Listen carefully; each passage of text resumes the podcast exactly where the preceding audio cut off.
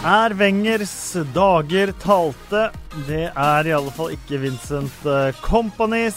Romelu Lukaku han skåret endelig i en uh, toppkamp. Gary Lineker tvitret 'Divey Alley' om uh, Spurs-juvelen.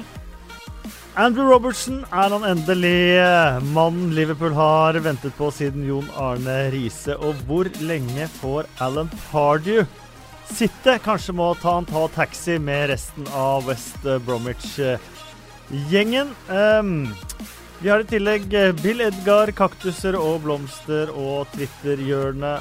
Og fem kjappe spørsmål i løpet av den neste drøye timen, tenker jeg at det blir. Og vi har Mina Finstad Berg tilbake. Hei, hei. Hyggelig å få være tilbake igjen. Og vi har uh, Erik Torstvedt tilbake også. Mannen som nøyer seg med to navn. Mens mine skal liksom alltid være litt bedre, da. Ja, tre jeg òg. Alltid gå litt sånn Hæ? Du vet det, tre jeg òg. Seriøst? Ja. Hva er det i midten? Johan. Oi! Kasper jo, jo Er det Johan eller Johan? Jeg liker best uh, jeg, Det er litt sånn dagsform. Jeg kan godt si Johan. det burde du begynne å bruke, da. Det er jo kongenavn. Jeg bruker bare initialene KJW. Ja, Det høres litt kult ut. Det er litt mystisk. Litt KJW. Ja. Det er litt sånn oh, Hva skjuler seg bak dette? Og så er det liksom bare Kasper, liksom. Johan. Eh, vi begynner ikke med, med Premier League, eh, men vi går ikke den veien vi gjorde forrige, forrige tirsdag. Fikk dere hørt på Simen uh, Stamsemøller som vikar? Veldig morsomt å høre han som programleder òg. Var det mye bedre enn vanlig? Det var på nivå, vil jeg si. Men det var, det var gøy å få litt europafokus inn også. Jeg syns det Litt under det du pleier å prestere, Kasper. Takk, Erik. Eller som jeg eh, sa til Simen, litt over det Kasper pleier å prestere. Å nei! det er derfor jeg er diplomatisk og sier 'på nivå'. Ja, ja, ja. uh, vi tenker vi begynner på Wembley, vi, med, med ligacupfinalen. Uh, jeg var der. Oi! Ja, på privaten. Skal si. Skal si. Du får aldri nok fotball, du, Kasper. Nei, det var gøy. Det var veldig gøy. Det var jo det første trofeet til Pep Guardiola i Manchester City. Uh, first of many. Uh, håper og tror vel uh, mange. Eller tror mange og håper litt færre, skal vi si det. Hva tror dere? Ja, definitivt første av mange. Og jeg tror det har en del å si også. Kan, men det har vært så mye snakk om hva er egentlig statusen til ligacupen hvor viktig er det trofeet. Men jeg tror for sånn som Pep Guardiola, så er trofé trofé. Uh, og det å komme i gang der tror jeg er deilig. Og så er det klart at uh, ryker ut av FA-cupen på irriterende vis, så er det fint å kunne komme tilbake i den andre cupen og vise at nei, det er det her som er det ekte City. Det andre var bare et arbeidsuhell. Man sier jo da Hvis en dårlig generalprøve skal gi en god premiere, så skulle denne kampen nesten vært enda bedre, i og med at Wiggen og Østersund hadde slått disse to lagene i generalprøvene. Ja, ja sånt har jeg faktisk ikke tenkt på, men det er jo Men eh, det Altså, jeg skal ta I'll go out on a limb. Jeg tror de vinner ligaen òg, jeg. Ja, så da har vi to pokaler altså. Ja. En liten brannfakkel. Smak litt på den, du. Så, men det er klart at eh, det, altså, de var i en kjempeposisjon til faktisk kunne greie fire. da. Så jeg tror mm. det der Wiggen-greiene irriterer vettet av Guardiola. Ja, definitivt. Og det er, men derfor er det så sabla vanskelig. Og det er en grunn til at så få og ingen greier det. For at det er liksom sånne skjær hele veien du kan gå på. Mm. Og her dominerer de jo totalt, da. Selv med ti mann, liksom. Mm. Så, og likevel så taper de. Uh, men den som veldig mange lot seg imponere over, og som var en gigant, uh, Vincent Company Det var mange som var skeptiske i starten. Claudio Bravo i mål. Company og Ottamendi framfor Stones og mm. Laporte. Mm. øyeblikket i matchen er jo når Company løper opp Aubameyang. Og bare skubberen, ja, til, var, til side og bare ikke i dag. og også når du ser den feiringa til Company når han setter 2-0 eh, der, så ser du også hvor mye det betyr for han. Han er jo en av dem som har vært i City altså vært der lengst, og var liksom blant de første som kom inn i den nye City-æraen. Han har jo fått spilt mye mindre enn mange skulle ønska, fordi han er jo liksom notorisk skadeplaga. Eh, så du så hvor mye det faktisk betydde for han i en sånn type kamp, å få lov til å være blant de som virkelig står opp, skåre mål, gjør jobben defensivt. Jeg, jeg syns det er litt fint å se. Men en klubb som City kan ikke basere seg på eh, OK, så har vi Company i midtforsvaret. Det går ikke. Altså, du, du er nødt til å ha noen som du vet eh, kommer til å spille i hvert fall 80% kan være tilgjengelig 80% Det var som en Ledley King, det. Eh, som var en sånn superstjerne hos alle Tottenham-fans og sånne ting. Men å, å, basere forsvarsspillet sitt på en fyr som du aldri vet kommer til å være ute på, nei. Du vet det omtrent ikke fra dag til dag. Du må liksom bare se før match hvordan han føler seg. Det går ikke. Så, så City har gjort det rette. Vi handla enda mer midtstoppere. Uh, og for, for, der har de handla mye, altså. Mm. Siden uh, Company ble kjøpt, uh, så kan du bare regne opp alle den, den, gjengen som har vært innom der. Det er helt sykt, altså. Men, men, nå ser det ut som de har Ottamendi, da, som tross alt Jeg er jo ikke en stor Ottamendi-fan, men jeg syns han er utrolig dårlig én mot én. Ja. Altså, husker dere Salah mot Ottamendi på Etiad tidligere, før Mané ble utvist? Altså, han bare, altså, han er, han er, så rar. Han sjanser hele veien. Ja. Istedenfor at noen prøver liksom å lede dem den veien eller den veien, holde igjen og vet akkurat hvor de skal takle. Han bare sjanser, sjanser, sjanser og blir rundlurt enormt ofte. Men så har han så mange andre egenskaper. da. Skårer mye mål. Enorme fighter. Et hekkende å spille mot. Det er vondt, altså. Så, eh, men, men, City har, har, ja, de har kjøpt Laporte, og det, det tror jeg er et bra kjøp. Uh, så de har, de har, gjort noe riktig for Museum Company. Om, jeg, jeg, tror de Guardiola tenkte et tidspunkt at uh, må bare, vi må bare sende han videre. Men det kan godt være at han får bli, altså, for de har mange å spille på. nå. Ekstra populært blant Man City-fansen tror jeg at de tre målskårerne har vært i klubben i til sammen 25 år. Ja. Det var litt den eldre garde, ja, ja. Aguero, Silva og, og Company, mm. som de har hatt med seg hele veien med etter at de ble eh, Mangla bare Jaja det, altså. Mangla bare Jaja. Der kunne kommet til å tatt et frispark. Eh. Um, Seks seire på de siste elleve er det Manchester City trenger for å vinne ligaen. Eh, en av de kan komme allerede på torsdag, for da møtes de igjen. Mm. Manchester City og Arsenal. Vi ser om Mustafi til den runden faktisk skal begynne å legge merke til hvor, hvor Aguero er i bana. Eh, fordi det syns jeg var fascinerende på skåringa til Aguero. Eh, som jo er en veldig veldig god skåring, for all del. Det er et kjempemål. Men det at Mustafi ser ut som han bare har glemt å følge med på Aguero. Ja, men det virker som om det er så Altså, fysisk kontakt og liksom Altså, det var så noen mente jo det var frispark, mm -hmm. men, men, jeg mener altså, det, det, var så lite, da. Altså, altså Med midtstopper så må du regne med at det er litt tøffe tak. og Det, det var bare sånn Plutselig bare slå ut med armene og, og Det var en rar skåring, altså. Og så gjør han det som irriterer meg voldsomt, og det har jeg snakka om før, men, men han, han føler at han bør få et frispark, og så bare stopper han helt opp og venter på dommeren. Mm. Og, så, og, og, følger ikke Aguero ja. videre, bare står der med, og slår hånda ut, og, og så har Aguero fritt leie. Men det er klart at Wenger får jo masse dritt her. men det er klart at altså, en sånn situasjon som så det, det er jo veldig vanskelig for en manager å, å, å liksom forberede laget på altså, Det er en enkelt spiller som må rett og slett man up, altså.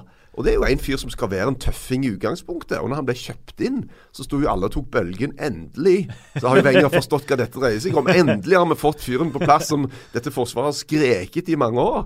Og så går det en stund, og så skjer dette her, og så er alt ræva igjen. Så det Men så kjøper han angrepsspillere, da. Når han alle mener han burde kjøpe forsvarsspillere i, mm. i januar. Uh, Ole Herman Andersen spør kan man kalle det en trouble om man vinner ligacupen i stedet for FA-cupen. Man kan i hvert fall ikke kalle det en double. Uh, med ligacup istedenfor FA-cup, det er jeg helt uh, klar på. Men det blir jo en slags trouble, da. Om de skulle klare ja. liga og Champions League. Det var jo litt den diskusjonen man hadde i fjor òg, da United vant ja, Europaligaen. Uh, og der er jeg enig med at det er ikke, en, det er ikke the trouble. Altså det er en for, Altså man tar tre trofeer, på en måte, men det er ikke the trouble. Hvem eh, vant treble i fjor? Ingen vant treble i fjor. Community Shield, Europaligaen og Community Shield er greiene, ass. Jeg blir helt matt av det der med Community Shield-greiene. ass. Kan ikke, kan ikke regne opp et trofé når du har vunnet én match. Nei, og sånn hele sånn supercup-greier er veldig rart, altså. Ja, ja jeg, jeg, var jo med å, å spille uavgjort i det som het Charity Shield den gangen. Community Shield nå. det og da delte vi trofé. Hadde vi, jeg tror vi hadde det et halvt år hver. eller. Skal jeg da liksom, jeg da, Har jeg vunnet et halvt trofé? Eller? Altså, bare tull. The double and a half? Ja. Altså. Uh, vi må snakke litt om, uh, om uh, Wenger. Gary Neville, han malte inn og stakk kniver inn alle steder mens han kommenterte matchen. Thierry Henry ser ingen framtid for Wenger. Ian Wright sa han kunne sittet en uke og prøvd å finne argumenter for å forsvare Wenger, men hadde ikke klart det. Mm. Er hans dager talte nå? Jeg tror det. Og det er faktisk litt uavhengig av akkurat den kampen og de tingene der. Men, men jeg syns det ser ut som Arsenal trenger et nytt blikk. De trenger nye impulser. og Wenger har vært der fryktelig lenge.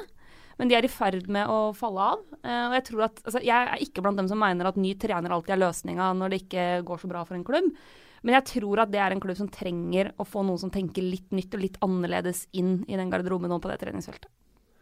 Ja, jeg tror det blir altså, Hvis de nå havner utfor uh, topp fire, de vinner ikke en dritt, altså da er det en desillusjonert klubb. Mm. Da er det en klubb som er, altså, er litt sånn uh, ikke har tro på at dette prosjektet skal plutselig greie å heve seg igjen. Og det å ta én sesong til med det utgangspunktet, det er bare tull. Da er det bedre å bare sette en strek.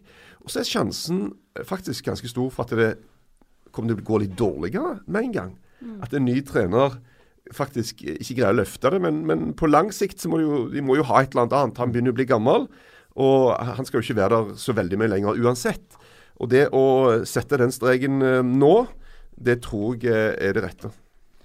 Ja, for jeg, Det jeg føler Arsenal-sportet, er at de nå vil de ha slutt på det fordi at uh, de aller fleste liker han jo. Og de mm. aller fleste ja, ja. er takknemlige ja, for alt han har gjort.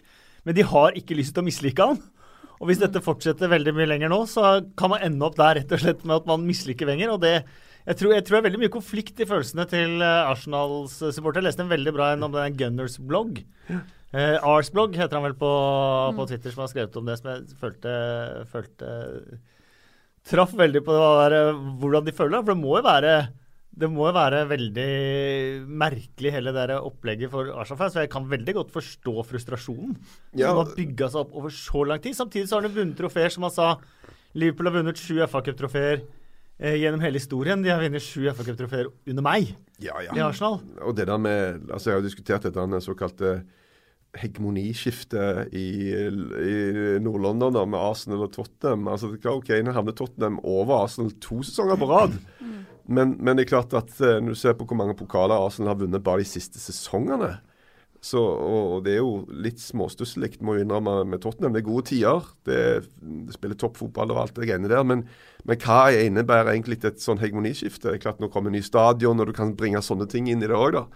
Men jeg synes det, det, det var faktisk det kuleste med hele ligacupfinalen, syns jeg faktisk var det Wenger sa etterpå. Når han innrømte at han hadde mast om å få mer tilleggstid. Og så spurte fjerdedommeren ja, hvorfor vil du ha det egentlig? det syns jeg var topp. Altså. det syns Wenger var et fryktelig dårlig svar. alle, alle skjønner jo hvor han uh, fjerdedommeren kommer fra. Men det, ja, det, var, det var ganske funny. Um, selv uh, da, da, da, Neville kjørte av gårde mot, uh, mot uh, Wenger, så kom det et bilde av gråtende barn mm. på TV. Uh, engelsk presse da har jo trykket bilde av det gråtende barnet etterpå, men Daily Mail tok en, et steg videre og klistra nærbilde av dette gråtende barnet over hele sportscoveret sitt. Ja, det er ufint, ass. Hvordan er det?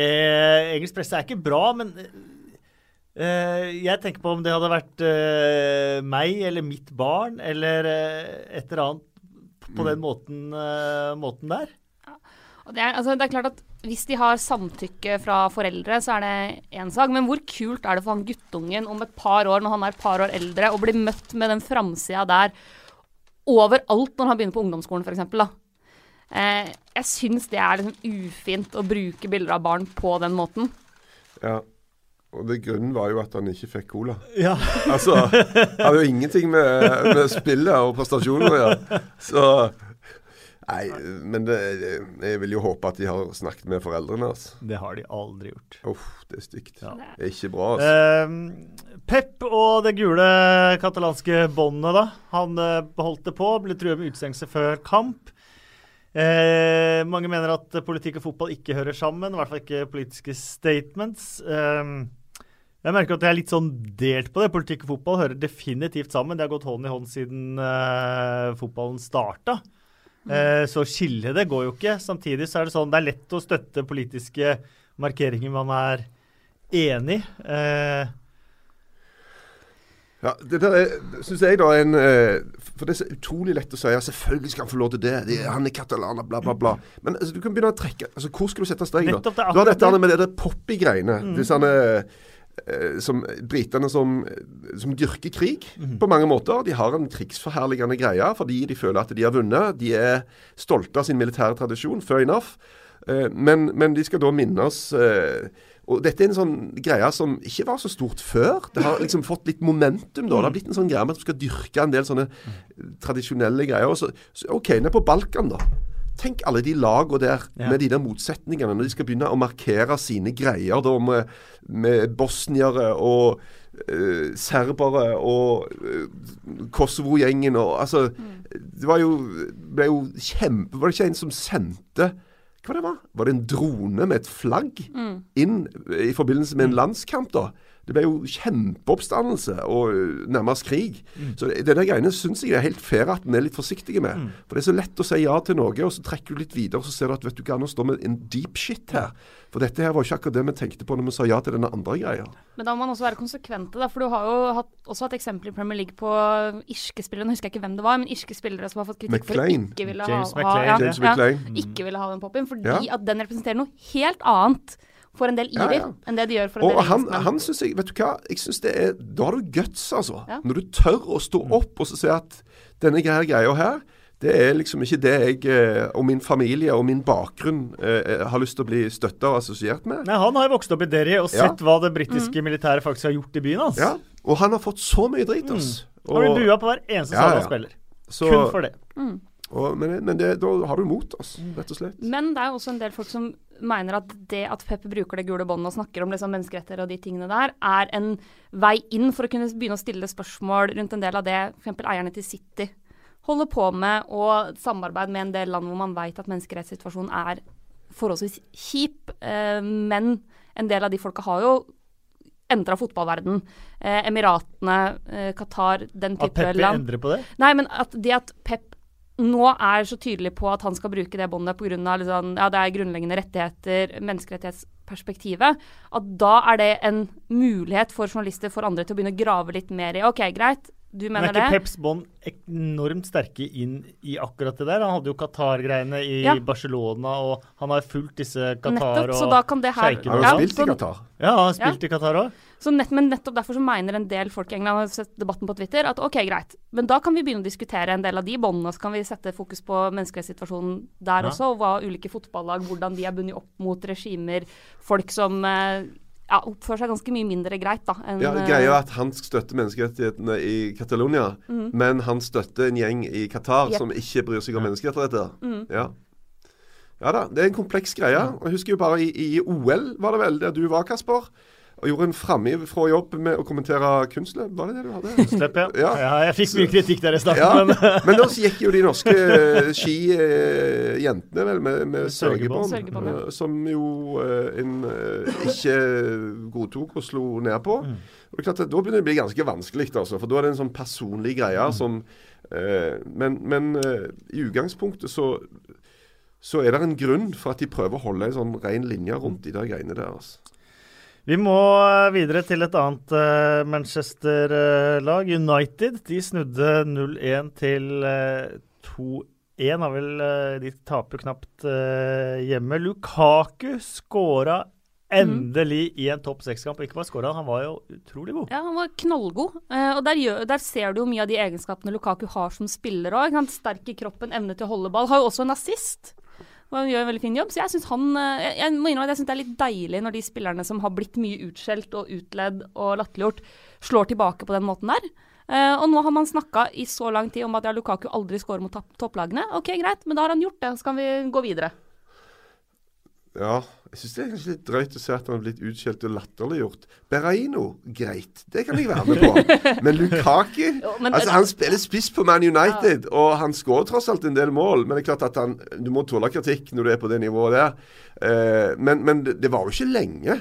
Altså, Nå skal de vel ha Liverpool snart. Og hvis han ikke skårer mot Liverpool, så er det på han igjen. Er ikke Så det- på han. Hvis vi, hvis vi lar tallene tale det klare, klare språk, så har han seks mål på 41 kamper mot topp seks-motstand. Ja, og det er, nok, det er ikke tilfeldig, sannsynligvis. Nei. Det er klart det er tøffere mot den gjengen der. Og eh, det ene raidet han hadde mot slutten der, som var litt sånn vintage Lukaku, sånn som han spilte for Everton Gjerne på slutten av kamper, siste kvarteret, når de kanskje leda med et mål og to, og de andre lå litt høyt, og så fikk han bare ballen, så bare fosta han forbi alt og putta sjøl, da. Uh, nå putta han ikke denne gangen, men det, liksom, det der raidet var litt sånn som vi, vi husker han. Uh, men uh, det, det, det, det, er trangere, da. De andre ligger ofte med mye mer folk bak. Det er litt vanskeligere å komme til. Og så er kanskje ikke United heller flinke nok til å finne han med de rette innleggene, da. For han er jo veldig, veldig bra i boksen. Han får bitte litt plass, i hvert fall. Nå er det kanskje de som mener at det er overkant negativt når vi egentlig burde hylle Lukaku. Men hvis vi skal ja. sammenligne, da, så har Salah sju mål på ni kamper mot topp seks. Ja. Aguero har 22 mål på 31 kamper mot topp 6. Vardi 23 mål på 40 kamper mot topp 6. Mm. Og Kane 18 mål på 33 kamper mot topp 6.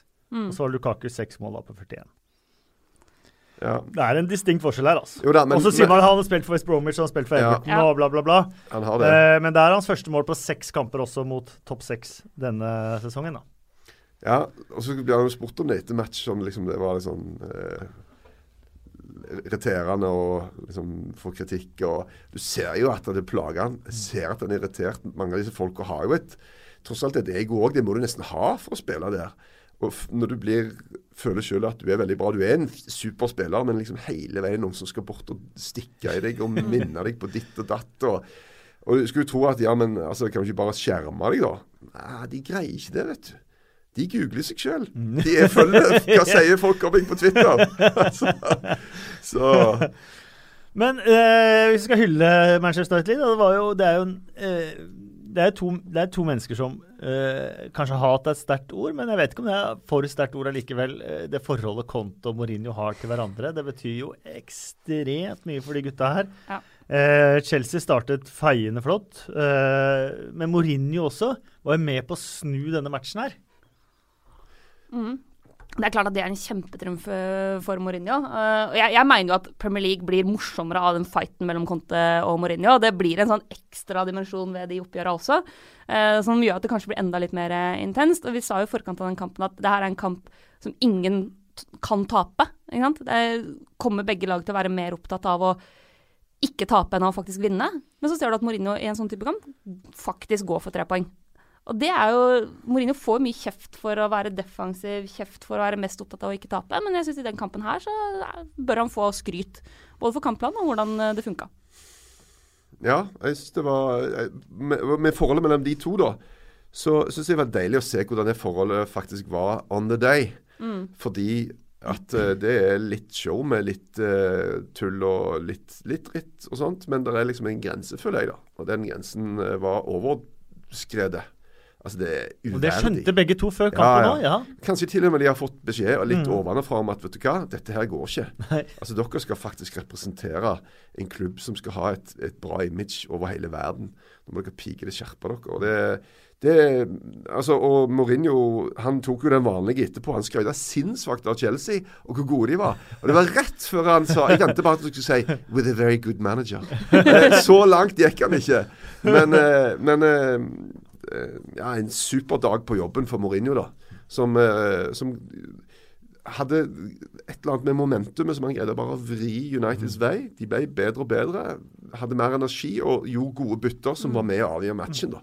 Så eh, det var litt sånn vintage Mourinho. En, en, seier som han trengte, da. For det er jo de som har Og med, og med han, da, selvfølgelig begynt å sutre litt med at eh, dette er jo piker ikke godt nok. I forhold til det pengene du har brukt, og så videre og så videre. Men nå er de der på andreplass, eh, og de er landets nest beste lag, ifølge tabellen. Og det har de stort sett vært eh, denne sesongen. Eh, vi må videre til London. Nytt London-derby. Nok en gang så ble Kane matchvinner i et London-derby også. Skåret 1-0 helt på slutten. Men din gamle lagkompis, nå programleder i Match of the Day, Gary Lineker, han Uh, eh, Tvitra da om Del Dele Alli, Divey Alli. Det var alt han uh, tvitra. Igjen så havna Alli da i fokus i to situasjoner hvor uh, han kanskje prøver å få et uh, straffespark. spilte du sammen med Graham Roberts òg, eller var han ferdig da du kom? Han var vel godt Var ikke han i Rangers, han da, kanskje? Ja. Eh, han tvitra tilbake til Lineker at du gjorde nøyaktig det samme. Var Lineker en filmer, Erik? Nei, det kan jeg ikke huske at han var. Men jeg vil jo si at selv en diver kan bli felt. Og den ene situasjonen her mener jeg er en felling. Jeg mener det faktisk er straffe. Nå fikk ikke vi tid til å komme neste match så uh, veldig kjapt. da. Vi fikk ikke tid til å gå gjennom det. Men, men det, det går jo an at selv en uh, som er kjent for å, å dive, uh, blir faktisk tatt. Men da er det gjerne rykte, da. Som gjør at Og det er jo selvforskyldt. Som gjør at uh, du ikke får den greia, for da regner alle med at det er en dive.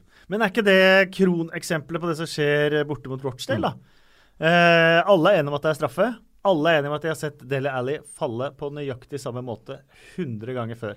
Han kaster seg over og rundt uh, beinet på en sånn helt egen teknikk han har, og jeg tvitra jo det. Uh, jeg tvitra et eller annet Har sett Alli falle sånn et par ganger før, eller et eller annet. Og da er jo Tottenham-sporteren på med en gang. Ja, men det er straffe, det er straffe. Så jeg har aldri sagt at det ikke er straffe. Men det er måten han faller på. Uh, og, og det gir han rykte. Mark Halsey skrev det dagen etter i sin, uh, sin spalte at uh, det som skjer med Dele Alli nå, er at nå får han rykte, og det er i ferd med å sette seg blant dommere. Og så får han ikke straffer han skulle hatt. Og det er jo, Fotballen er jo en av de arenaene hvor liksom confirmation bias er tydeligst. ikke sant? Altså Vi legger merke til det som bekrefter det vi allerede tror. Og Sånn er det så til de grader i fotballen, som gjør at både supportere, eksperter, dommere, andre spillere eh, kommer nå til å legge mye mer merke til de gangene Ally overdriver, enn de gangene han ikke gjør det. Fordi det bekrefter det vi allerede tror. Eh, og du, det har vi sett med ganske mange spillere tidligere, at hvis du faller for mye i en viss periode, så blir det plutselig fryktelig vanskelig å få straffe. Og det kan også bli en litt sånn ond sirkel, fordi at eh, hvis du får det ryktet på deg, så må du liksom Da må du overdrive for å i det hele tatt kunne få en straffe. Eh, og så blir det verre og verre, sant. Og der er uh, Del det ser ikke ut som en vinn-vinn-situasjon, dette her, altså. Nei, men det, det, det minner meg faktisk om Morten Berre, som var, i- i tidlig karrieren hadde litt sånn filmgreier. Han kunne blitt knekt begge beina på han uten å få straffe de siste ti åra av karrieren sin. Ja. Uansett. Han fikk aldri noen ting. Og så kan du si at det er jo sjølforskyldt òg, da, i Del Allis tilfelle. For han har jo hatt et par ganske stygge, flaue eh, caser både denne sesongen her og forrige. Så det er jo litt hans feil. Men da er jo spørsmålet hva skal han, skal han gjøre noe med det? For Hvis han skal ta grep og, og prøve å komme seg ut av det ryktet, så er han nødt til å gjøre det nå. Jeg syns jo etter at Porcetino tok han i forsvaret og sa at mine spillere skal prøve å vinne kamper også eh, ved å bruke de metodene som er tilgjengelige, så syns jeg nesten Ally har blitt verre. Ja, men det, Han får jo godkjentstempel av treneren på det. Ja, men Han sa vel ikke det, at mine spillere skal bruke alle tilgjengelige måter for å prøve å vinne kamper? Nei, men han, det, han sa ikke det, han, Kasper. han var ikke Han sa øh, øh, at Michael Owen uh, filma øh, i England og Argentina i forbindelse med han, og at man bruker de metodene man har for å vinne. Var det ikke noe à la der? Jo, jo Ja. altså, men, men eh, han oppfordra ikke sine spillere Til å gjøre filme? Det gjorde han ikke. Det gjorde han ikke. Eh, men Så, til å men det det er spesielt at en Men, men det går på Jeg tror dette går veldig mye på, på personligheter. Og vi vil jo ha en ren idrett og sånne ting. Men, men det er klart at hvis alle er, kommer gjennom den samme kverna, gjennom akademiet, gode holdninger, alt dette greiene her, så blir det òg litt kjedelig, da. Jeg tror du trenger en, en Costa, en Ally, folk som er gatespillere. Som er altså på en måte som de kommer fra en annen greie, da. Er det Så- gate å filme? Du hadde fått juling på Løkka hvis du hadde holdt på sånn. Altså, hadde du banka Kosta, mener du? Altså, jeg er sterkere enn du tror, Erik. Men, nei, nei, men sånn Altså, en del Du kunne jo ikke altså, Men, men det er jo derfor vi har dommere, da. Det er jo derfor vi har dommere. Og hvis de er så teite at de gjør det, så får de ta den straffen. Så svares Altså, eh, å bite folk er ikke en bra ting. Det skal du ikke gjøre. Men hvis du er så teit at du gjør det likevel, så får du ta de månedene, og så får vi gå videre. Og alt det der greiene. Han må kastes ut for Premier League, må ikke få lov til å spille. Drit i det, da. La gutten få ta straffen sin. Og så går han videre og gjør det en gang til, så får han få et år. Og holder han på sånn, så, så, så får det bli to år neste gang. Altså, Samme det, men, men det er en grunn til at vi har eh, dommere ute på banen og andre folk som kan gi andre typer straff. da. Og det, det Men da må sånn de være konsekvente. Eh, når de skal vurdere i etterkant om noen skal få ut- utestengelse pga. filminger, så må man være konsekvent i det. Ja. Eh, og der har det jo vært en del murring på av hvilke spillere er det som har faktisk har fått utestengelse pga. ja. ja. filming. Ja. Uh, det er jo ikke de største spillerne, det er jo ikke stjernene, det er jo liksom Ja. Ja, Nias var litt rar, men Ja. Lanzini Ja. syns jeg var klokkeklar. Jo, jo, men det er er det- verste filmen Men Nias er jo en latterlig greie. Ja. Det er fullstendig latterlig. Hvordan er det mulig? Altså ja. Og dermed så gikk han. dermed men så gikk du fordi han var lei.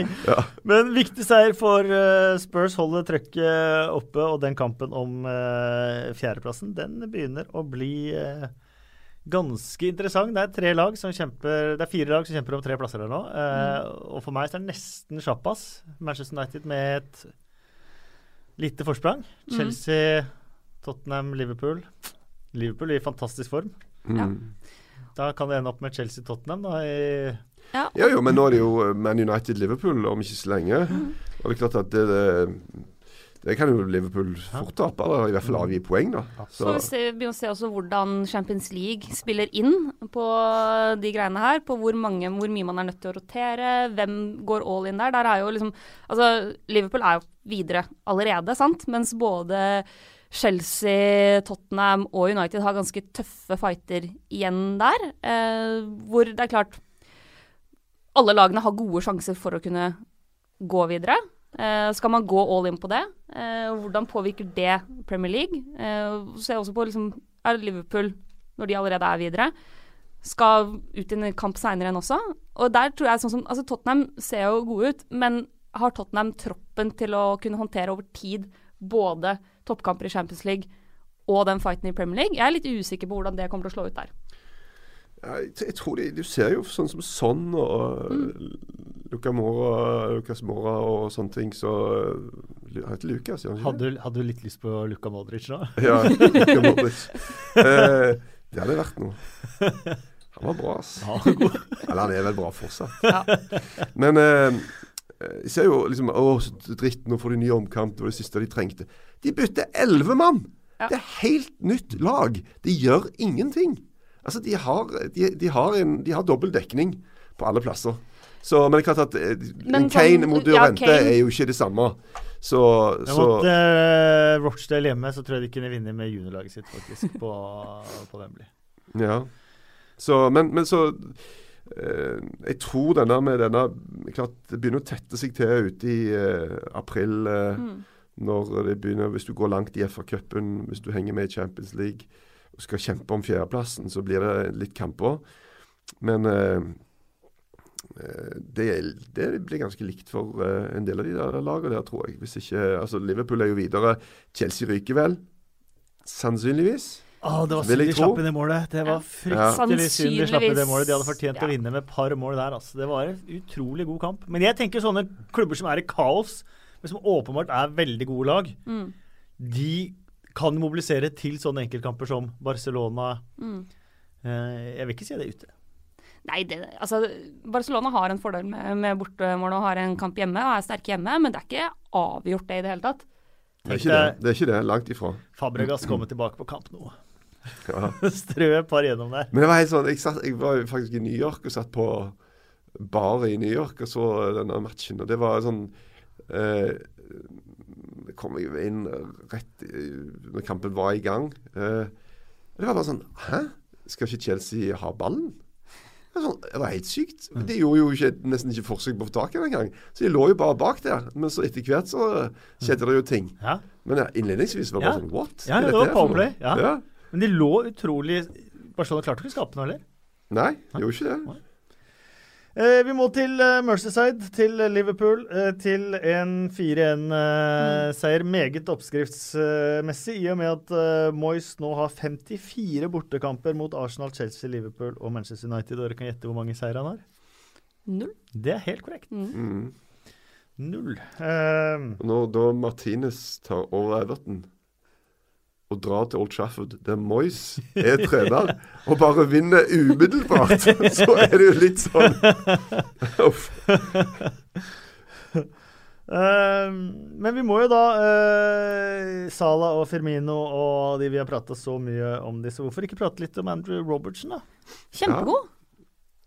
det var bare så rart i begynnelsen at det, når han fikk spille, så var han jo dritbra, og så fikk han ikke spille. Nei. Liksom bare, nei, Moreno skal spille der, da. Det var merkelig. Men OK, kanskje er det òg greit å bygge opp litt sult, da. La han sitte der og se litt på, og så Han har vært dritbra. virkelig. virkelig. Det er ikke veldig mange år siden han uh, fylte hyllene på Tescos, altså. Nei. Fordi foreldrene bare Nei, nå gir vi opp. Uh, hvis du skal fortsette å forfølge den der fotballdrømmen din, så Ja. får du jaggu meg tjene litt penger sjæl òg. Uh, vraka i Celtic, spilte på tredje nivå. Mm. Uh, fin historie. Ja. Uh, Og han, nå må han da være førstevalget. Ja.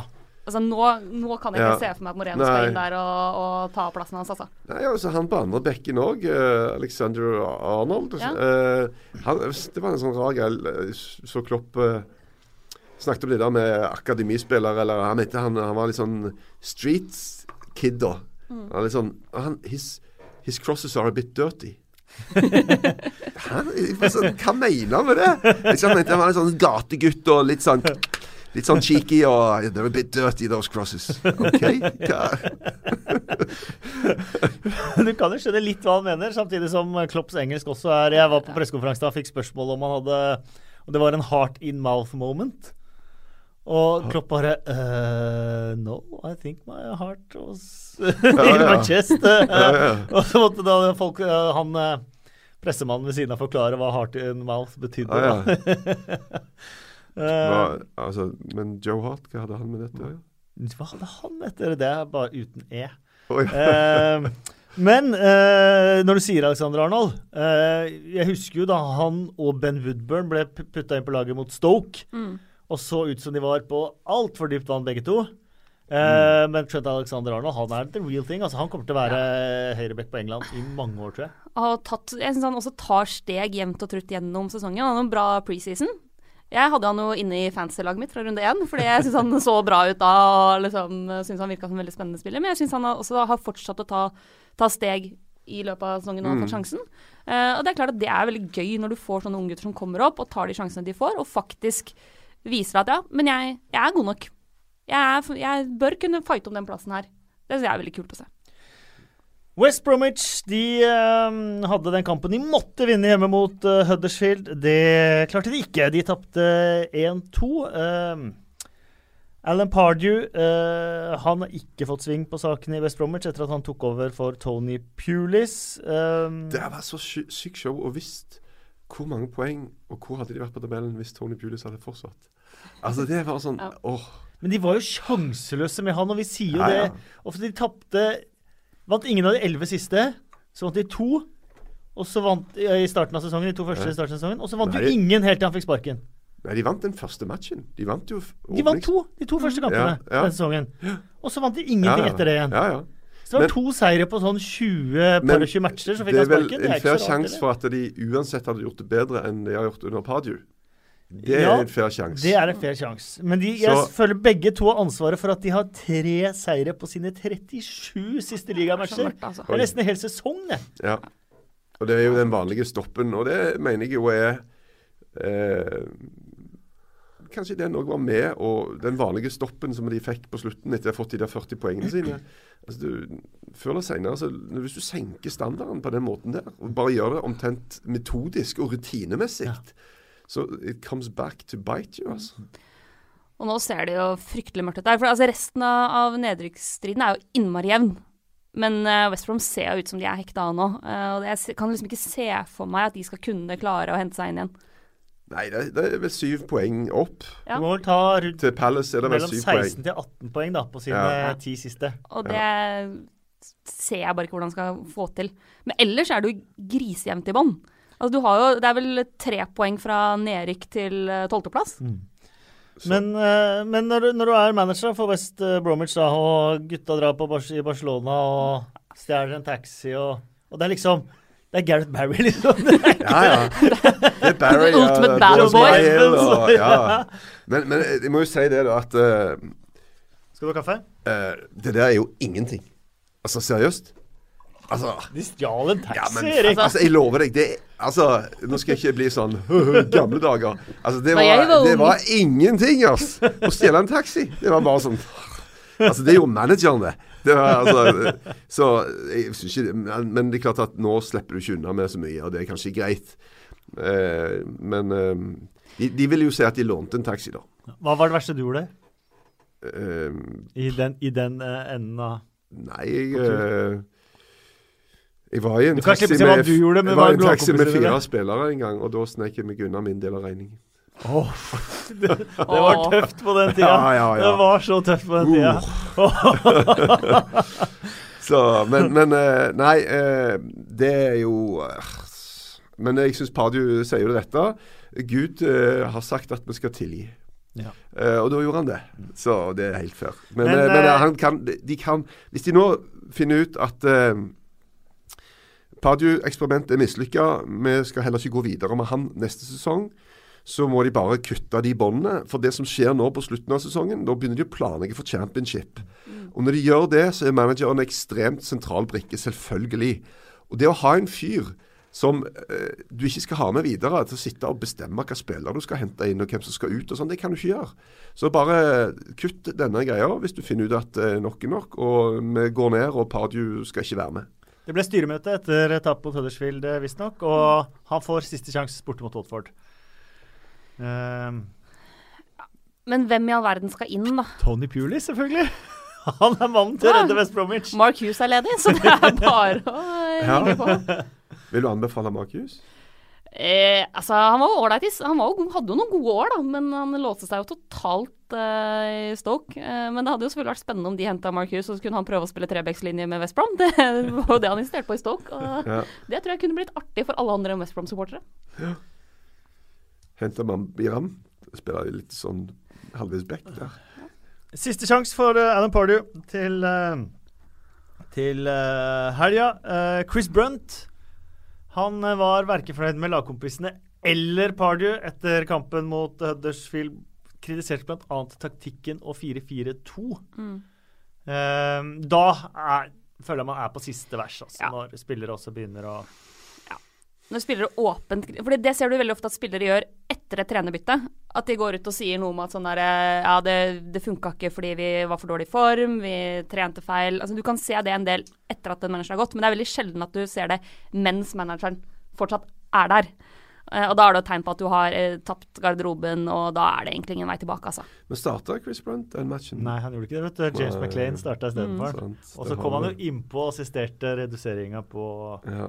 På corner der. Da føler han har nok eh, poeng, poeng i banken til å kunne slenge med leppa. Nei da, det der greiene er jo uh, ræva, egentlig. Det, det er veldig sjelden du ser det, heldigvis, at, eh, at spillere gjør sånt.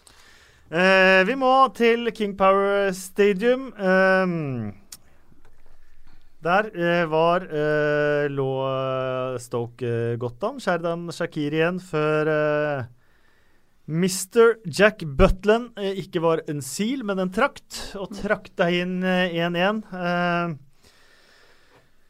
det står dårlig til med keeperne for England for tiden. Ja, eh, jeg satt faktisk og tenkte på det i går. Altså, hvem står i mål for England i åpningskampen under VM?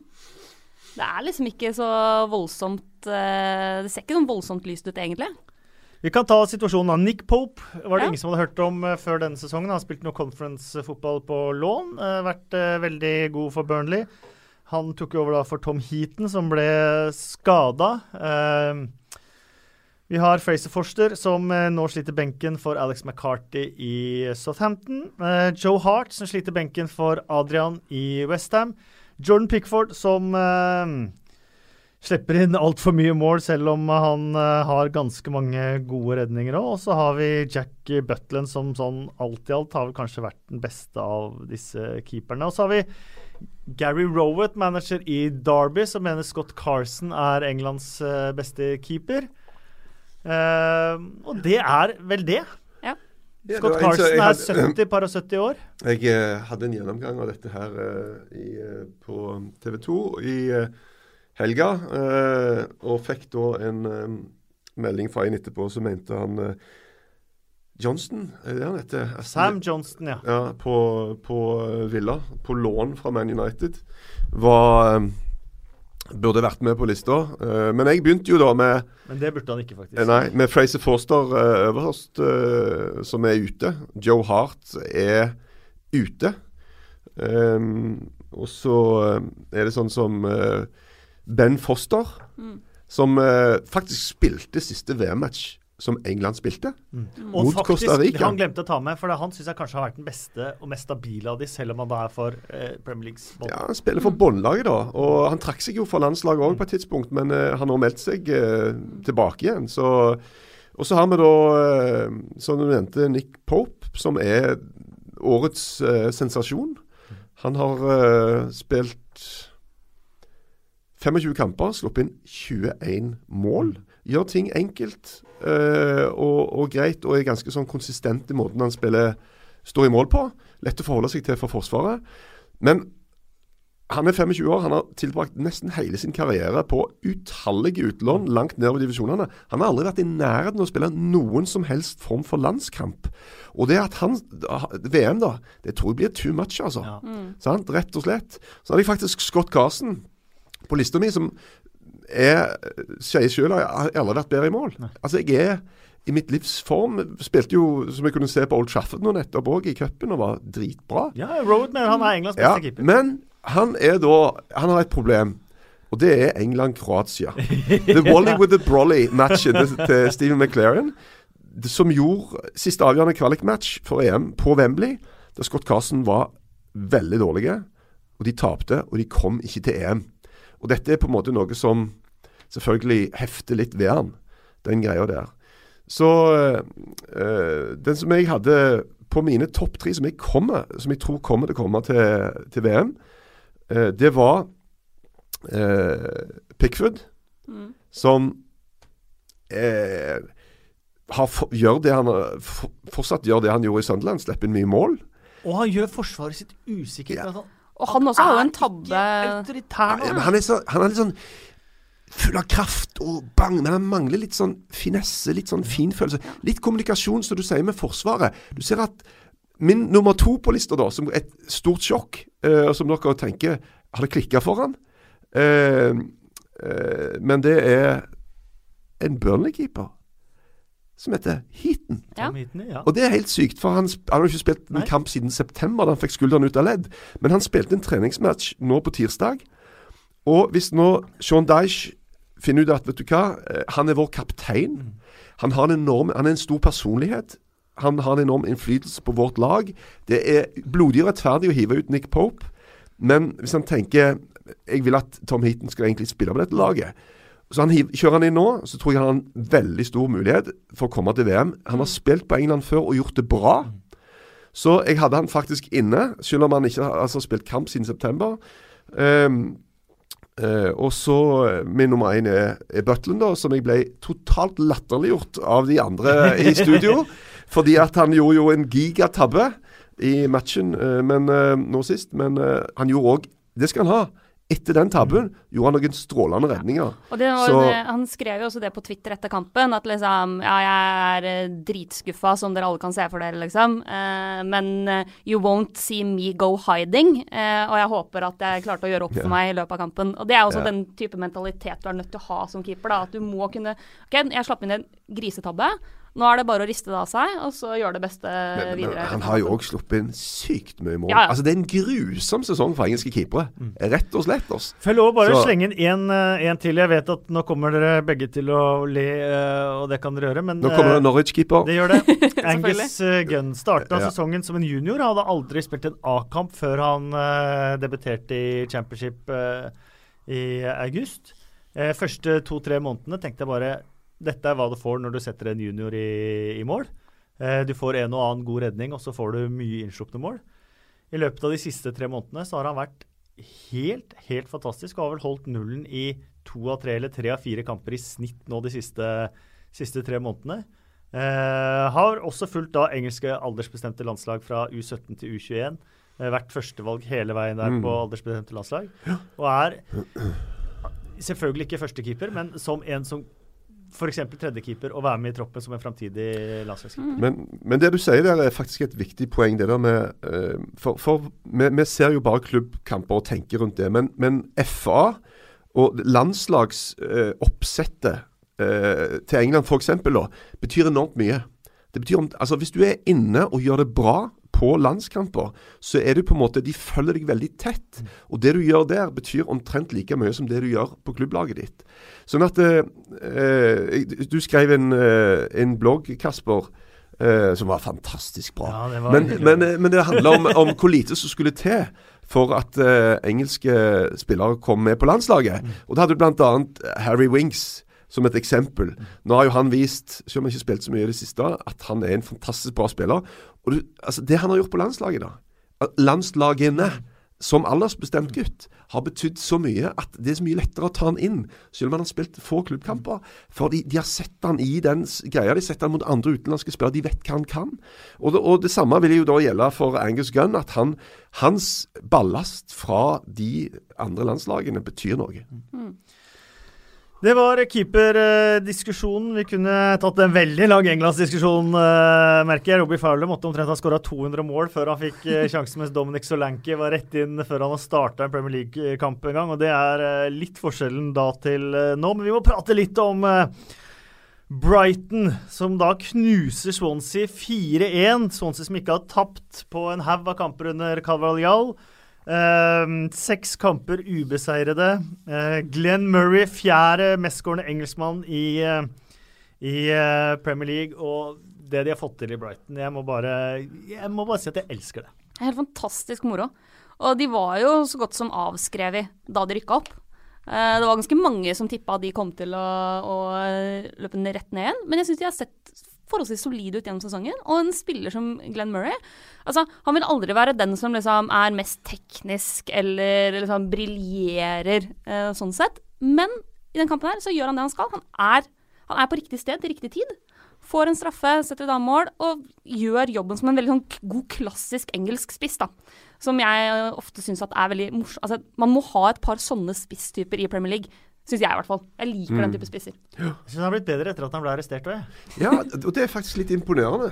Det er det. Altså Når du får en sånn en greie, som er ganske heavy, da, han og kona, liksom. Vi har Hente reida, reida for en sånn skattegreie, Og, og likevel bare fortsette. Det, det er ganske, da er du mentalt sterk. Altså. Så, men, men klart, Brighton har jo vært på gyngende grunn hele sesongen. Det er ikke sånn at de har sånn briljert. Og problemet med deres var jo tidlig at de hadde så sykt vanskelig for å komme opp mot motstanderens mål. Ja, det å liksom nærme seg det greiene der. Så de, de fikk jo så få skåringer. Men, men det er klart det å få en spiss som putter som, som på en måte hitter litt sånn golden streak, da. Som plutselig bare begynner å skåre masse mål. Det er jo gullgjevt. Det er jo helt fantastisk. Men det er klart at det gjør jo òg sannsynligvis at så har spillet òg bedra seg. Så han kommer til litt flere sjanser. Gjerdo har vært mm. veldig, veldig bra. Eh, Grås har vi snakka en del om. Eh, Knockert. Knockert. eh, Knockout. Det er masse Lokadia, Lokadia kom fikk jo første. inn og skåra nå. Ja, ja. Så, men, så de, har, eh, de har faktisk en god del eh, bra folk, altså. Så, eh, men eh, jeg gleder meg jo alltid når Chris Huton, som er en Får han den krediten han fortjener? Ja, som en, men som er en, altså en bra mann, da.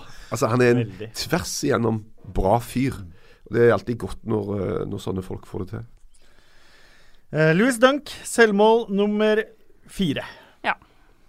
Han har skåret selvmål mot begge Manchester-klubbene mot Liverpool, og skårer jaggu meg et mot uh, litt mindre glamorøs motstand uh, nå. Carriger hadde vel sju på en sesong, hadde han det? Nei, Nei, ikke på en sesong. nei det kunne han ikke hatt. Så syv på en sesong, det hadde jo vært helt ellevilt. Han hadde det, og så skåra han tre. Nei. Jo. Skertel Nå skal jeg bare se her nå. hadde- Men hva er selvmål, da? Altså Selvmål er vel ikke en deflection, er det det? Nei, altså Og da er det, Kanskje kan ikke ha syv på en sesong. skal være sjølmål, så må ballen endre Ja. retning såpass mye at altså, da, da må det være sånn at hadde han ikke vært borti, så hadde det ikke blitt mål. Nei, sant? For, nei, det var kanskje Det er bare Bill Edgar som vi kommer tilbake til, som har en liten sånn uh, pluss-minus-variant, hvor han skriver Pantzil Hoyfeldt hadde fire selvmål, ingen skåringer for. Uh, mens, og Carriger har samme differansen, for han hadde sju selvmål og tre mål for. Mm. Så jeg tror jaggu meg det, ifølge Bill Edgar. I samme sesong? Er det, det det jeg, jeg, kan ikke, jeg kan ikke tolke han på noen annen måte. Det høres veldig spesielt høres ut. veldig spesielt ut. Ja. Da er det bare å bruke hashtaggen 2PLpod på Twitter og rette inn det til neste podkast, så skal vi love å få den fasiten uh, riktig. Men, men kan, du, altså, kan du jobbe på TV når du har syv selvmål på en sesong? Hvis du har tre pluss. Eh, de har seks uten tap, men nå er det Arsenal neste på uh, Amex eh, Stadium, eller Falmer Stadium. Uh, det må jo være drømmekamp for Brighton, egentlig. Marerittkamp for Wenger og Arsenal. De er alt å vinne, Arsenal har alt å tape. Ja. Det, altså skal vel ha en match imellom her òg. Ja, det skal det. Det er nesten så Brighton er favoritter. Og møte Milan i Europaligaen. Etterpå, ja. Ja. Ja. Så det er et ganske tøft eh, kampprogram for ja. Arsenal sin del òg. Mm. Men det er vel ikke så Altså, det er vel blitt sånn at hvis, Sånn rent oddsmessig Alle, uansett hvem topp seks spiller mot, hjemme eller borte, så er de oddsfavoritter. Mm. Og det er litt synd, syns jeg, da. At det har blitt sånn. At det liksom De er bare forventa at de skal vinne. Selv, selv mot Leicester eller den type mm, kamper på, eh, på bortebane, så liksom Nei. Altså, forskjellen har blitt så stor at det forventes at topplaget skal vinne. Og det er noe av Dynamikken er litt sånn skrudd, da. For før så forventer du at ok, men det blir helt altså Hjemme og borte utjevne såpass at det blir det er helt dønn jevnt, eller kanskje til og med en liten fordel hjemmelaget. Sånn er det ikke lenger. Nei. Litt surt. Enig. Eh, noe annet fra runden dere brenner eh, inne med, som jeg føler at vi ikke har fått eh, gått gjennom eh, nå? Ja, målet til Adam Smith. Eh, Adam Smith mot, uh, mot Newcastle for Bournemouth, ja. Det var Det fantastisk. var skårer sånne da. nydelig Det var helt nydelig. Men det var så rart. Det går jo nesten midt i mål. Ja.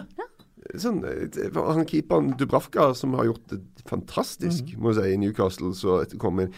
uh, om en gang Var så han det litt målet så skada da? Hæ?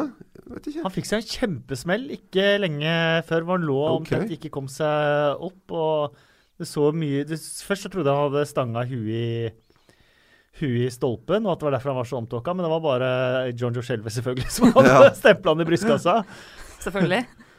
Så, men, men altså, det er jo dritbra skudd uansett. Det, du kan ikke sitte her og og han får denne duppen og liksom alt på en gang. Så. Og så En ting til som jeg la merke til i runden. og det var, eh, Jeg dere husker eh, utligninga til Southampton mot Burnley? Eh, når Gabbiadini Ja. Ja, setter ja, den her. ja. Fordi den så jeg om igjen i går. Eh, og det som egentlig skjer da, er jo at det er Burnley mister ball pga. dommeren. ja den var veldig spesielt. Og det er veldig spesielt, fordi det er vel Westwood som løper inn i dommeren og egentlig skal plukke ballen. Ordentlig obstruksjon fra Eh, og det er kjempeobstruksjon, og som gjør at Southampton plutselig får ballen, og så ender det med utligning. Mm. Og, altså, hadde jeg vært Burnley, jeg hadde vært så forbanna etter det. Men det var de. Eh, men det er en veldig sånn rar eh, du, Vi snakker ofte om at dommere avgjør kamper. Eh, for avgjørelser hit og dit. Og her avgjør dommeren på mange måter kampen fordi han rett og slett står i veien for Burnley. Fordi hadde ikke han stått der, så hadde ikke Southampton fått tak i ballen. Men han er jo en del av Han er jo på det, han òg. Ja, ja. Det er sjelden man ser det. Ja. Men en annen Men- ting er at når Gabiadini skårer, Med Kevin Long. så mener jeg frispark. Ja. Det mener Sean Dyche òg. Ja, ja. Du ser jo at han er jo ikke i nærheten av å være favoritt til å komme først på den ballen. Ops! Plutselig så er han der. Men igjen Så- så er det innom den Mustafi, Mustafi Aguero-greia. da. Ja. Du må klare å stå litt imot når du er forsvarsspiller. Ja, men jeg, jeg fikk ikke sett så nøye på det, om han tar tak og drar. Det er eller- litt ned på skulderen her, som Ja. gjør at han roterer litt med kroppen. Ja, da er det frispark. Ja. Ja, Sean Dyche hadde jo som vanlig da ca. 200 enkelthendelser som han ville ah, ja. disputere etter, eh, etter eh, kampen. Det var to straffer Burnley ikke fikk. Det var skåringen til Gabbiadini. Det var obstruksjonen til eh, dommer. Det var veldig mange situasjoner som det er etter hver kamp. Ja. Sean Dyche. Jeg tror ikke det fins én manager som er eh, så går mer gjennom eh, uenigheter med dommeren etter hver eneste kamp. enn han, men han har ikke det ryktet likevel som en sutrekopp. Nei, det er ganske rart. Men det er fordi at Burnley er underdogger. Ja. Altså Hadde Guardiola eller Mourinho holdt på og sånn, så Ja, ja, blir det noe helt annet. For det er hver eneste kamp så er det, så er det greier. Men det er en ting vi ikke har snakket om, Ja! og det er noe som irriterer meg. Og det er at jeg kun fikk med meg to av feilkastene til Aurier. Ja, jeg Fikk ikke med meg det tredje. Og det irriterer meg sykt, da. Eh, hvordan er det mulig? Og du, han kan jo ikke kaste. Nei, det er helt håpløst. Altså, Og det er sånn, altså, Da jeg spilte for type jenter 15 på Lillehammer, så lo vi av folk som hadde feilkast. Altså, det- det var liksom, da, da ble Men det er feilkast i Premier League hver runde. Ja. Det skal vi også ta med oss, altså. Men det var var sånne ting vi latterliggjorde hverandre Ja, samme, det tror for. jeg aldri har skjedd. Det er helt Altså og, og, Nei, det var en ny rekord. Så Ja. det var, jeg husker ikke hvem det var som eh, meldte det, men eh, det var, er definitivt rekord. Men hvor var det tredje, altså? Jeg må Ja. finne det. Jeg må gå gjennom matchen. Men, men uh, Trippier uh, Altså, ryktet til Altså, hvordan vi ser på Trippier Altså, Hans renommé øker jo for hver eneste match som Aurier spiller. Altså, det er Altså, snakk om uh, løs kanon, ass. Ja, og Det det er løs kanon, men han er så god på sitt beste, syns jeg. Jeg syns jo at det er kamp hvor han Jo. kommer seg fram og han legger flotte innlegg og han gjør mye bra. Har jo en kjempebom på tampen men eh, mot Palace. løskanon, det er eh, ja. Ja, den, den straffen mot Juventus, altså. ja. Altså, Helt hallo. fryktelig. Helt fryktelig.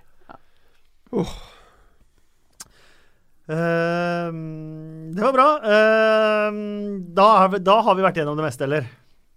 Ja. Det er ingen som har noe veldig hardt på hjertet nå. Vi kan snakke om at eh, Sam Allardyce Det ser vel ut som det kanskje blir med denne sesongen ja.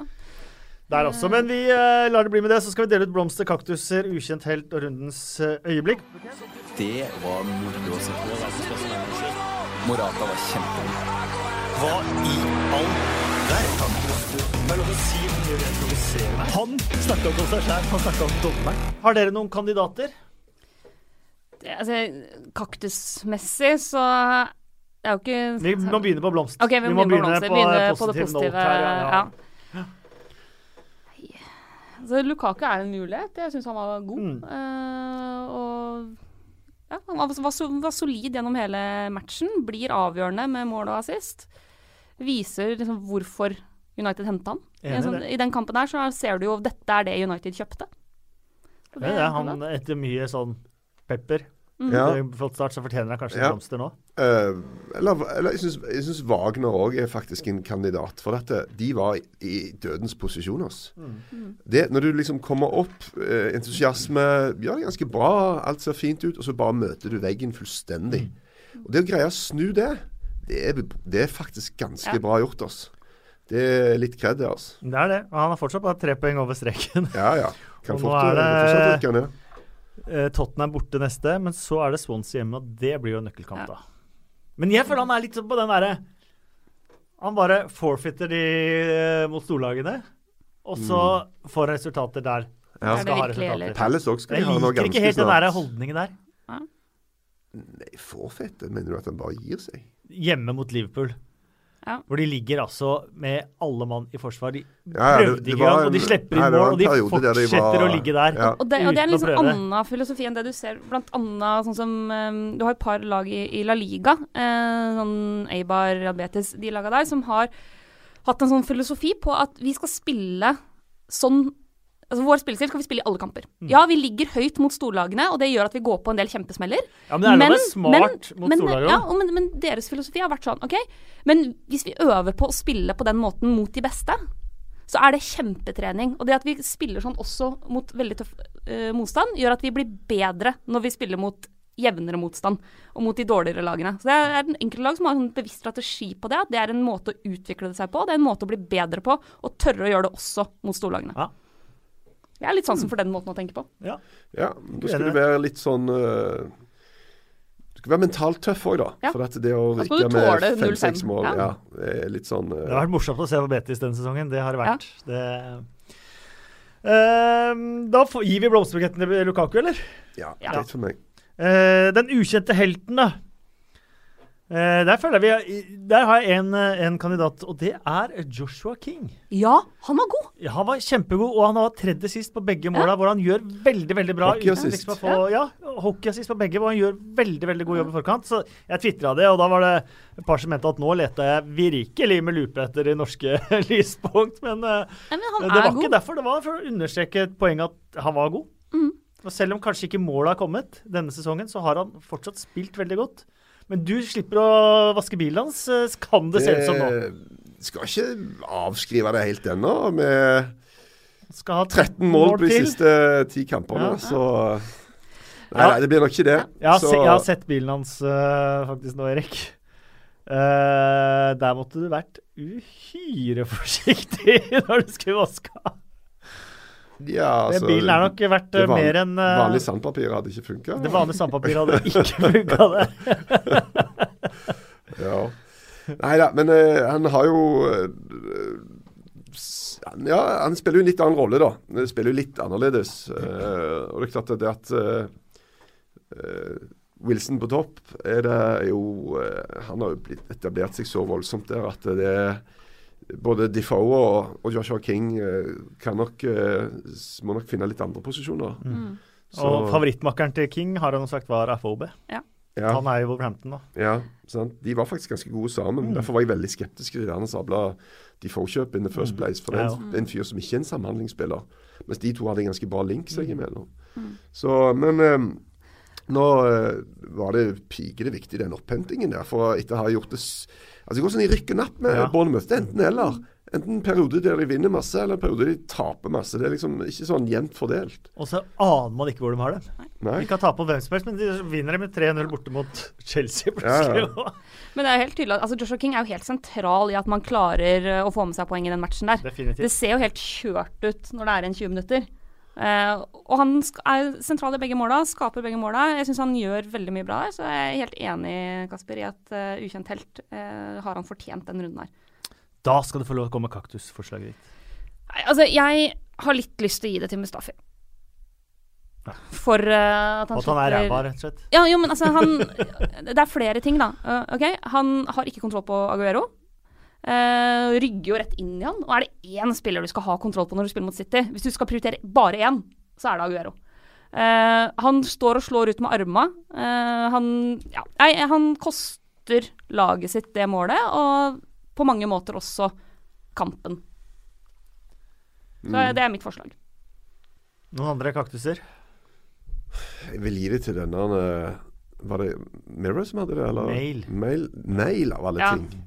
Som hadde det bilde av han der eh, gutten som Ja. sto og grein på hele. og Det er ikke bra. Nei, det er ikke bra. Helt enig. Nei, Jeg er faktisk enig. Det var et bedre forslag. Kaktus til Daily mail. De kan egentlig få kaktus hver dag for all den dritten de sprer. De får den spesielt i dag. Uh, da har vi rundens øyeblikk. Company-skåringa. Ja. Er det runden, da? Er ikke det noe annet? Jo, men den er det er jo utafor. Nei, det er ikke utafor. Ta med ligacupfinale. De har ikke lagt ligacupfinalen Liga- for seg Å, ja. selv engang. Ligacuprunden tenkte du på. Hæ? Tenkte på ligacuprunden. Ligacuprunden. Ja. Ja. Det er greit, det. Ja, jeg syns det. Ja. Da har vi delt ut, uh, delt ut uh, det. Skal vi ta en liten runde på Twitter? Vi vet jo da selvfølgelig at vi er på Twitter. Det er uh, 2PLpod vi heter. Hashtaggen er 2PLpod hvis du eh, bare vil titre om om podkasten nå. Eh, Mello, eller Loyal Spurs som man eh, kaller seg også, eh, leste akkurat en vinterpause i Premier League om noen år. Hva tenkes om det? Forrige pod var interessant. Fint å høre litt om andre ligaer, selv om dette er en Premier League-pod. Bra jobba, Simen og gjester. Men vinterpause i Premier League, det som er diskutert, er vel da å ta det etter juleprogrammet. Mm. I to uker i, tidlig i januar. Uh, jeg er blitt litt mer positiv til det enn jeg var. Mm. Ja, jeg også. Men altså, det man egentlig Ideelt sett så tenker jeg at ok, du kjører boxing day, og så kan du ha pause. Egentlig. Eh, fordi det som var i jula nå, var at du, du skulle jo presse inn så innmari mange Ja, det var matcher. én runde for mye der. Ja, du, det var så plutselig så innmari mange matcher som du skulle inn fra liksom, lille julaften til nyttårsaften. Eh, Det er en skjev fordeling. Nå hadde jo Westham, når de spilte nå mot uh, Liverpool, hadde jo hatt én match på tre uker. mm. Så det er en sånn litt rar greie. og det, det må det jo nesten bli da i forhold til hvem som er med, med videre i cuper og bla, bla, bla. Men, men, men eh, behold juleprogrammet og så ta den pausen ut i januar. Det er helt OK for meg. Helt OK for meg, Ja. faktisk. Eh, Mikael Endel, kult konsept med Europapod med 23 sekunder Premier League-snakk, men ikke gjør det for ofte. Jeg er for ang anglofil. Enig, hvis det blir ikke for eh, ofte, men jeg også syns det var veldig befriende med eh, forrige varianten. Eh, Sindre Hangeland, hvordan syns du Simen gjorde det sist som vikar? Bra episode som alltid, uansett hvem som er programleder og gjester. Wenger out. Det må gjøres noe der, for det laget ser fryktelig ut. Ikke et topp fire-lag lenger. Blomsterbukett til Lukaku for en solid kamp. Kaktus Mustafi. Du er ikke sammen med Sindre Hangeland, eller? Nei, det er jeg ikke, men vi tenker tydeligvis veldig likt. Veldig likt. Ja, det må jeg si. altså. Er det du som styrer han? tanker? Altså, jeg, har, jeg har jo et par alter egoer, sant, så men hvordan syns vi Simen gjorde det som vikar? Det har vært inne på. Jeg syns det var en veldig god episode. Artig å kunne høre på podkasten uten å vite hva den inneholder. Jo da, men det, det er lett å komme inn her og kjøre liksom én greie. da, Men hvis du har bare én podkast i deg som programleder altså Det er mye verre sånn som du, Kasper, som uke etter uke bare leverer gode varene, liksom. Sant? Jeg lurer på hva du sier til Simen når jeg Nei da, det var veldig bra, det, altså. Uh, Kim Are, bør FA-cupvinneren få Champions League-plass? Vil jo heve statusen fjerdeplass i, til Champions League. Hva er greia? Fjerdeplass burde være det helt ubetydelig. Jeg er faktisk enig med Kim Are. Ja, FA-cupen skal gi Da du var ung, Erik, så var FA-cupen nesten større enn å vinne ligaen, var det ikke det? Som en mann som aldri har vunnet ligaen, men FA-cupen, så er det lett å si seg enig. Ja da, det var gigantisk. Nei, vet du hva, ligaen er det største. Jeg, jeg vet da søren, det blir så sabla mye komplekse greier. Altså, og Som regel er det jo topplaget som vinner FA-cupen òg. Ja. Så, så da blir det bare enda mer sånn Ja, men hvis de vinner FA-cupen, da, og sånn og sånn, og så tar de den, og så hvem får da den? og ja, Men det, det, det, som er litt rart, er denne at, at fjerdeplassen regnes for å være større enn FA-cupen. Ja. Syns jeg er veldig rart. Helt enig. Altså, ærlig talt. Det er pokal er pokal. Det handler om å få satt de der greiene i skapet, altså. Det er, det er rett og slett blitt en undervurdert greie i fotball. Å vinne pokaler. Så øhm, ja. Um, hadde jo vært stas hvis uh, uh, Og ser jo at uh, noen holder jo dette opp mot Tottenham, at de ikke vinner og sånne ting. Men der har framgangen vært så stor, og stabiliteten på et høyt nivå, og fotballen spiller så bra, at det, foreløpig så holdes det jo det unna. Men det spørs hvor lenge det varer, da. Og, og det er klart at spillere vil òg være med å vinne ting. Og eh, hvis, hvis Kane hadde visst at vet du hva, hvis jeg spiller her de ti neste åra, så blir det mye gøy, men det blir ingen pokaler, så tror jeg han hadde sagt det, det vil jeg ikke være med på. Altså. mm. Jeg stemmer ja. Jeg syns det hadde vært et veldig godt, uh, godt øh, forslag. Jeg elsker cup, da. Og syns jeg cupen har fått litt sånn derre De siste årene litt sånn revival. Uh, jeg syns jo det var fantastisk med Wiggins sin seier mot uh, Manchester City. Uh, Utligninga til Steve Davis gått inn på overtiden på Rochdale det er jo fullstendig magisk.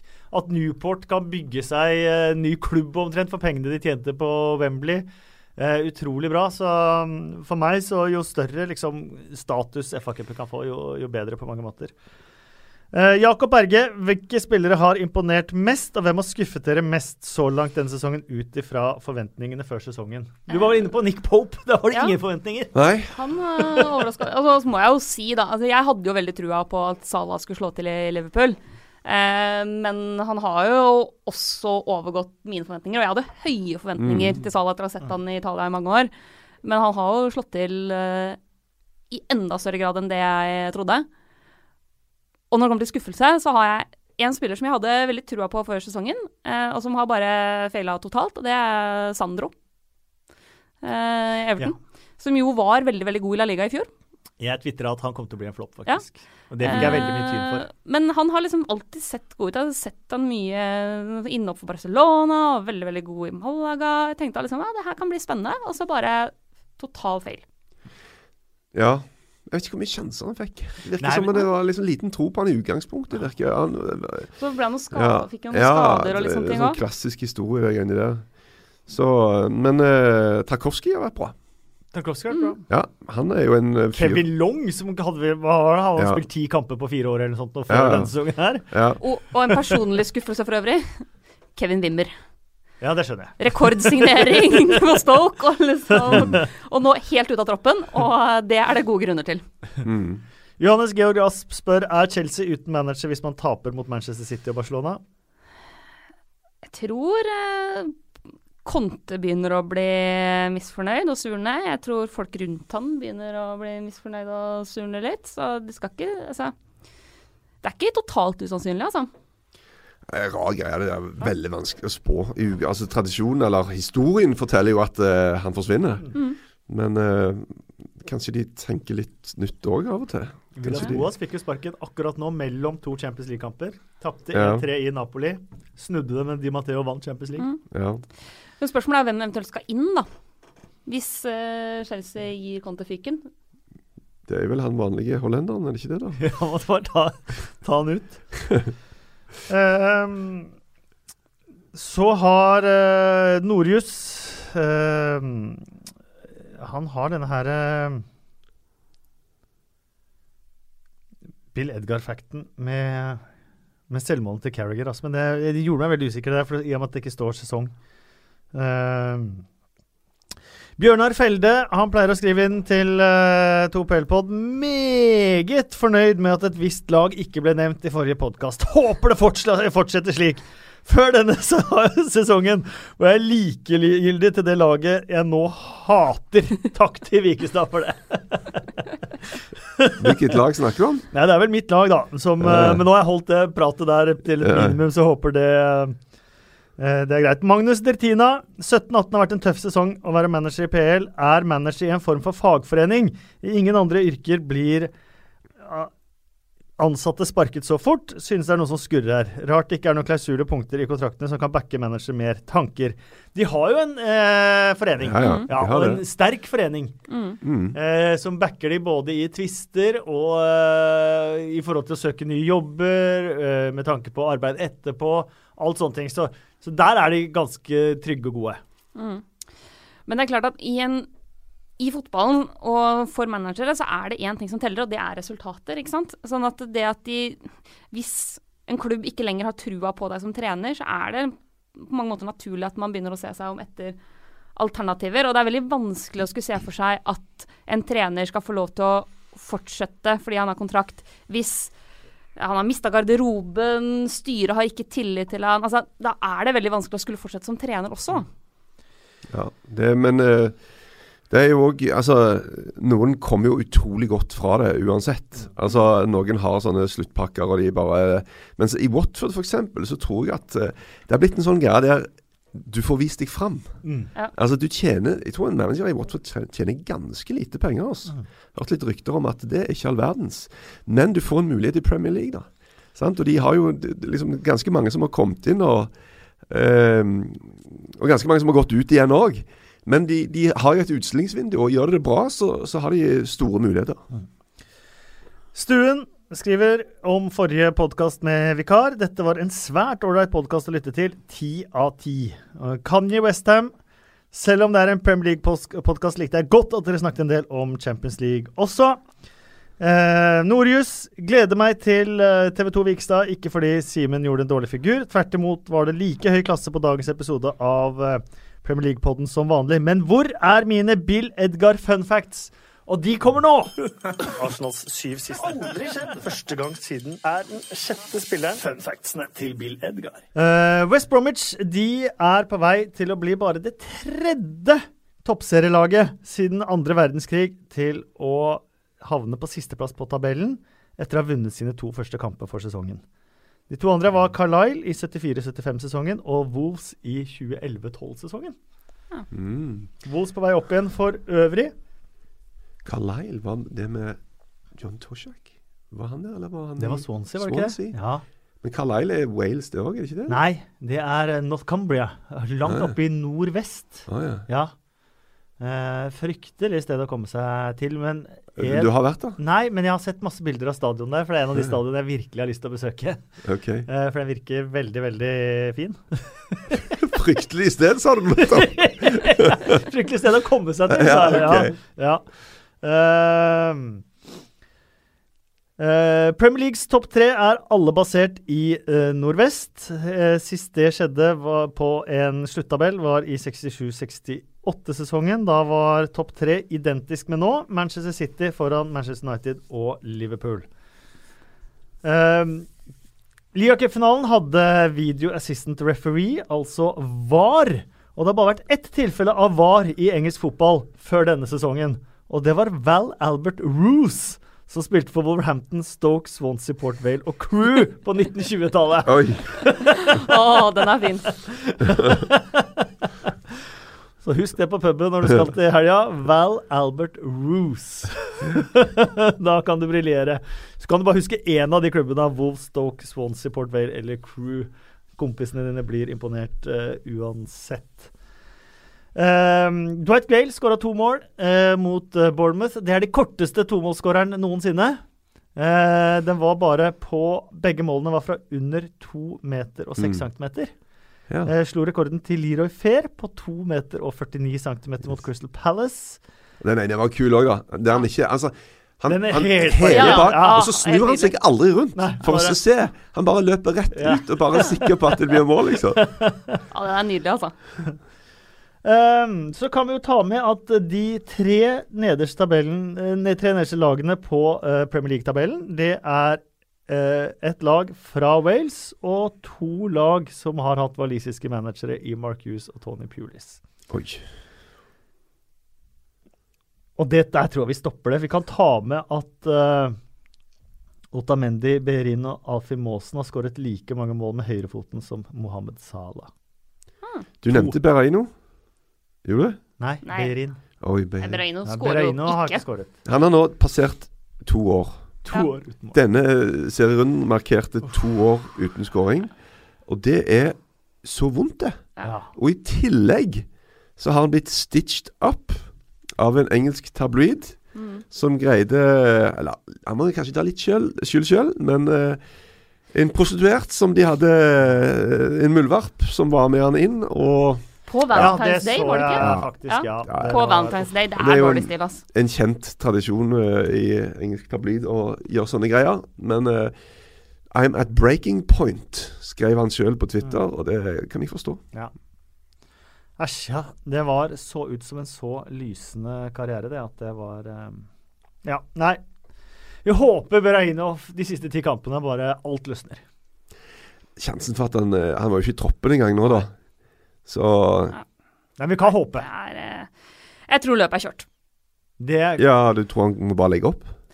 Nei, altså jeg- Han kan jo sikkert spille fotball, men eh, jeg tror bare ikke at han har det i seg å klare det i Premier League. Men det er jo ikke sikkert er... han er- trenger det for Nei. å kunne bli stokk. Eh, fordi det kan jo helt fint være at han kan få bli med ned til championship. Veldig god championship. Ja. Eh, Da er vi kommet til fem kjappe spørsmål til hver av dere. Ehm, eh, noen av temaene har vært innom, men da kan vi få klare svar på det. Eh, burde FA Cup gi Champions League? Nei. Nei. Bu, ja. er media og andre ekstra ute etter Dele Alli? Ja. Ja, men det er jo en grunn for det. Ja, altså det er sjølforskyldt, men ja. Ja. Eh, hvor spiller Gareth Bale neste sesong? Uh. Hmm. Et- Manchester United 90 millioner pund skal visst være prislappen nå, Ja, sies det. Real Madrid. Uh, årets spiller i Premier League til nå, med ti runder igjen. Salah.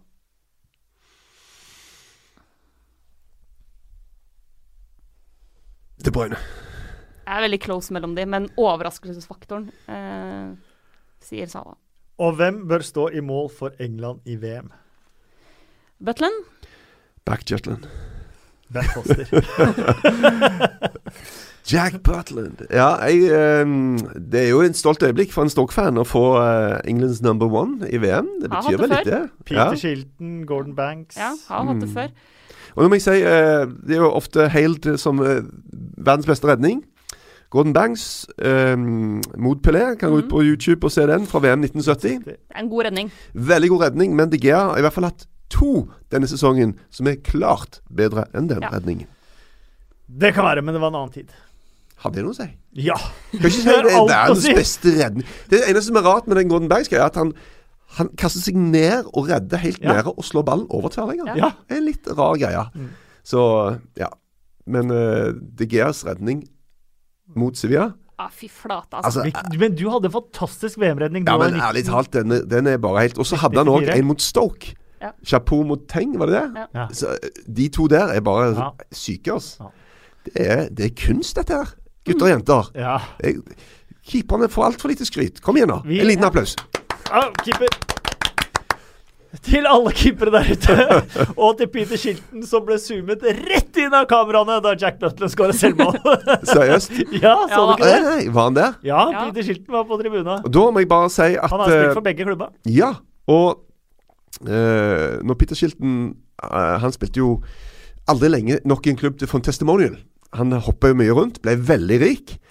Så gamla han vekk pengene sine, Og så, når han ga seg for England, så ble det spilt en sånn uh, benefit-match for han på White Hart Lane. Det var England mot resten av verden. Det var litt show. Det var men det som ikke var show, var at det gikk folk rundt i kriker og kroker inne i losjene og sånt med bøtter der folk skulle legge mynter oppi til Peter Shilton Benefit Fund. Trist.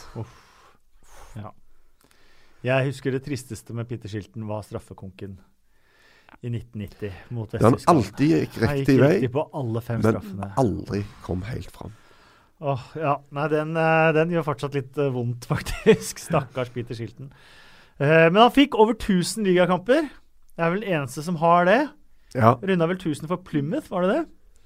Ja han, han tyna han jo veldig, Ja, da, gjorde og det. kanskje Og- pga. pengene. Ja. Men han hadde jo uh, tilslag som en brevdue og var dårlig med beina. Så eh, det It came Altså, det, det var jo Han greide ikke å sparke omtrent til midten på slutten. Så Men uh, matchen jeg tror han spilte for Plymouth, som vant 1000 ligakamp, ble sendt direkte på Sky.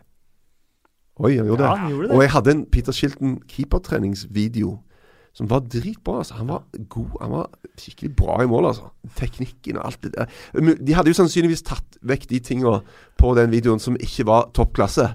Men det som var igjen, Ja. det kan jeg love dere, det Ja. var toppklasse. altså. Og han fikk 125 landskamper i en æra hvor han konkurrerte med Ray Clemens Mm. om keeperplassen. Ja. Eh, det er ganske imponerende også. Hvis du bare slår sammen karrieren til Peter Shilton og Ryan Giggs, så har du fra 66, 67, 68 rundt der, Mm. til 2014? 15? På to karrierer. Men hvorfor skal er du slå sammen disse karrierene? Hæ? Hvorfor skal du slå sammen disse karrierene? Det er to karrierer som spenner seg over Men hva har de to med hverandre å gjøre, egentlig? at Giggs starta da. Shilton slutta. ja da. ja, det er sånn hjernen fungerer. Og da at hjernen til dere som hørte på, også fungerer eh, bra. Felix, ternekast på dagens episode. Vi får en sekser av Felix. Ja, det er det er deilig. Takk for at du lagde episoden. Ja, det var en på Twitter som ga Peder Myhr og meg terningkast null eh, Oi. etter helgens sending i Premier League. Eh, det var en eller annen offside-avgjørelse i matchen mellom ManU og Chelsea som ikke var tøffe nok Var det. Morata-varianten? Yes. Det, var det offside, eller var det ikke offside? Det var nok ikke offside, men det er så sykt marginalt Ja. At eh, det, Du kan det, ikke skjelle ut folk for å ikke legge merke til den. Også. Nei, den er, den er helt Men, men eh, det var nok ikke offside, Nei, så sånn sett det så burde det vært Ja, eh.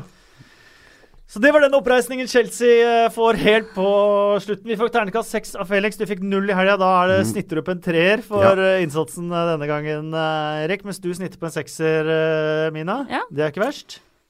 Nei, jeg må si jeg er fornøyd med det. Ja. Får vi se åssen det går med fancy-runden. For jeg tipper at det blir en terningkast to sånn jevnt over når jeg ser uka under ett. Men takk til begge to for at dere kom. Oh, Sjøl takk. Det var en fornøyelse å være her, Kasper. Det var det. Du var flink. For meg òg. I like måte. Og du var flink, Felix. Og Moderne Media er kjempegreie som eh, lager podkasten for oss. Eh, vi er på Twitter, 2PLpod, uh, både hashtag og kontonavn. Eh, vi er på iTunes, der du kan legge en stjerne og kommentar. Det er eh, artig. Og så får du ha lykke til med ditt lag, om det er i League 2, League 1, Championship, Conference eller Premier League, eller hvor det enn måtte være i eh, dagene som kommer.